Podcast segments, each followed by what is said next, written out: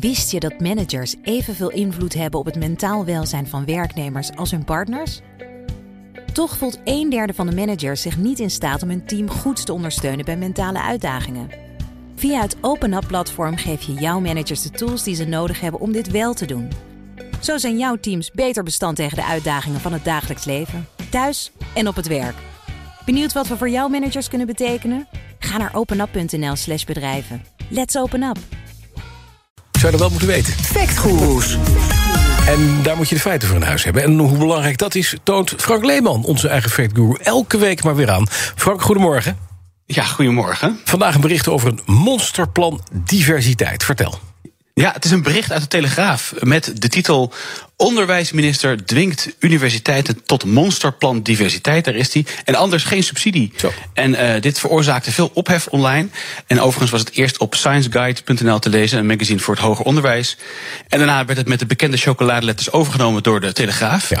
En uh, ik moet er meteen even bij zeggen dat ik deze factcheck niet heb uitgeplozen, maar dat het een factcheck is van professor Jeroen de Ridder.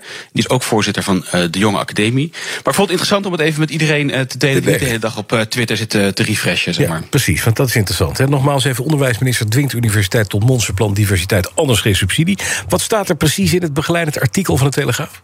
Nou ja, het artikel beweert dus dat Ingrid van Engelshoven, minister Onderwijs, Cultuur en Wetenschappen, universiteiten gaat dwingen om met ambitieuze plannen te komen om de positie van de vrouw en andere niet-mannelijke geslachten uh, te verbeteren. En doen ze dat niet, ja, dan komt hun financiering op de tocht te staan. En in het artikel staan dan dingen als uh, etniciteit turven, uh, de minister dwingt staat er dus, en dat kunstwerken en namen uitgebannen moeten of kunnen worden. Hm. Waar heeft de Telegraaf die informatie vandaan eigenlijk? Nou, de aanleiding is een document van het ministerie van Onderwijs... Ja. getiteld Handreiking voor diversiteit en inclusie. En, uh, en overigens, naar aanleiding van het Telegraafartikel... en dit handreikingsdocument zijn inmiddels ook Kamervragen uh, gesteld... door de SGP en de VVD. Die willen weten hoe dit allemaal zit. Ja, nou kan ik iets anders... Het, het, het dwingt tot monsterplan, anders geen subsidie. Uh, een handreiking klinkt niet zo heel dwingend. Hè? Wat, wat, wat is dit dan voor document?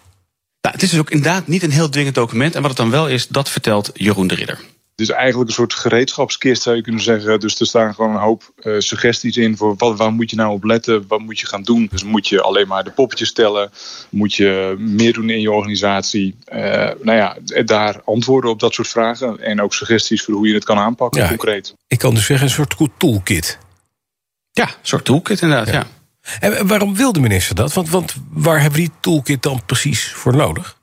Nou, en dat is dus nog zoiets. Het is dus niet per se de minister die dit wil. Het is Oh. binnen Europa is er een hele grote subsidiepot voor wetenschappelijk onderzoek en innovatie. Die is bijna 100 miljard groot. En daarvan in de vorige ronde ging 5 miljard naar Nederland. Dus dat is een behoorlijk, uh, behoorlijke hoeveelheid. Horizon Europe heet dit fundingprogramma. En het is een hele belangrijke subsidiepot voor onder andere universiteiten om onderzoeken mee te financieren. En vanuit Horizon Europe zijn er nu eisen gesteld op het gebied van gender equality. Zo moet een aanvrager een publiek document hebben waar al hun gender equality goals in staan. En ze moeten middelen hebben om die gestelde doelen ook echt te kunnen halen. En ze moeten laten zien dat ze trainingen houden om gender neutral awareness te promoten. Nou, en nog wat van dat soort dingen. Maar goed, het komt dus vanuit Europa. Precies, en dat is inderdaad niet van de minister, maar de eisen van de Europese Commissie. Nou zegt dat artikel ook dat kunstwerken en namen van gebouwen uitgebannen moeten worden. Je zei het ook al eventjes. Dat klinkt heel concreet, hè? Dat is, dat, het gaat iets verder zelfs dan een handreiking alleen, maar dat is gewoon een plicht dus. Nou ja, zo schrijven zij dat ja. Maar in die handreiking uh, zit een soort tabel. En daar staan, staat in wat aandachtspunten zijn, wat best practices zijn. En wat literatuur over het onderwerp is. En in die tabel staat bijvoorbeeld dat de fysieke omgeving gecontroleerd moet worden.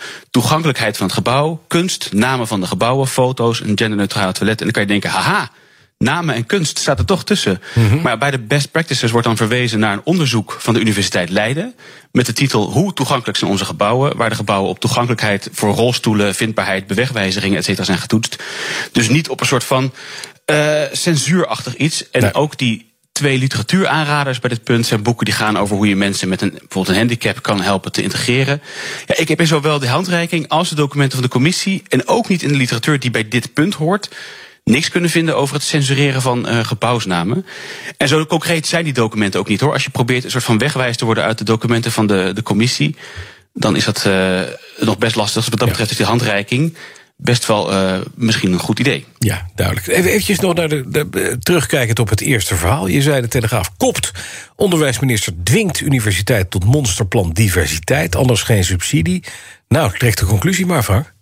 Ja, nou ja, precies. Kijk, het kan natuurlijk iets zijn dat je, het kan natuurlijk zijn dat je iets van deze Europese, uh, Europese eisen vindt. Ja. En het is ook moeilijk om in één oogopslag, uh, oogopslag te zien of iets in die handreiking de interpretatie is van het ministerie of van de Europese Commissie. Maar om nou te schrijven dat het de minister is die hiermee de universiteiten dwingt, dat is fake nieuws. Dankjewel. Frank Leeman, elke week onze Fact Guru. Wist je dat 35% van het totale verzuim op het werk komt door uitdagingen rondom mentaal welzijn? Met de psychologen en lifestyle-experts van OpenUp werken jouw werknemers online via één op één sessies, groepsgesprekken of cursussen aan hun weerbaarheid. Zo zijn jouw teams beter bestand tegen de uitdagingen van het dagelijks leven, thuis en op het werk. Verhoog net als Decathlon, KPN en HelloFresh de weerbaarheid van je werknemers. Ga naar openup.nl/slash bedrijven. Let's open up!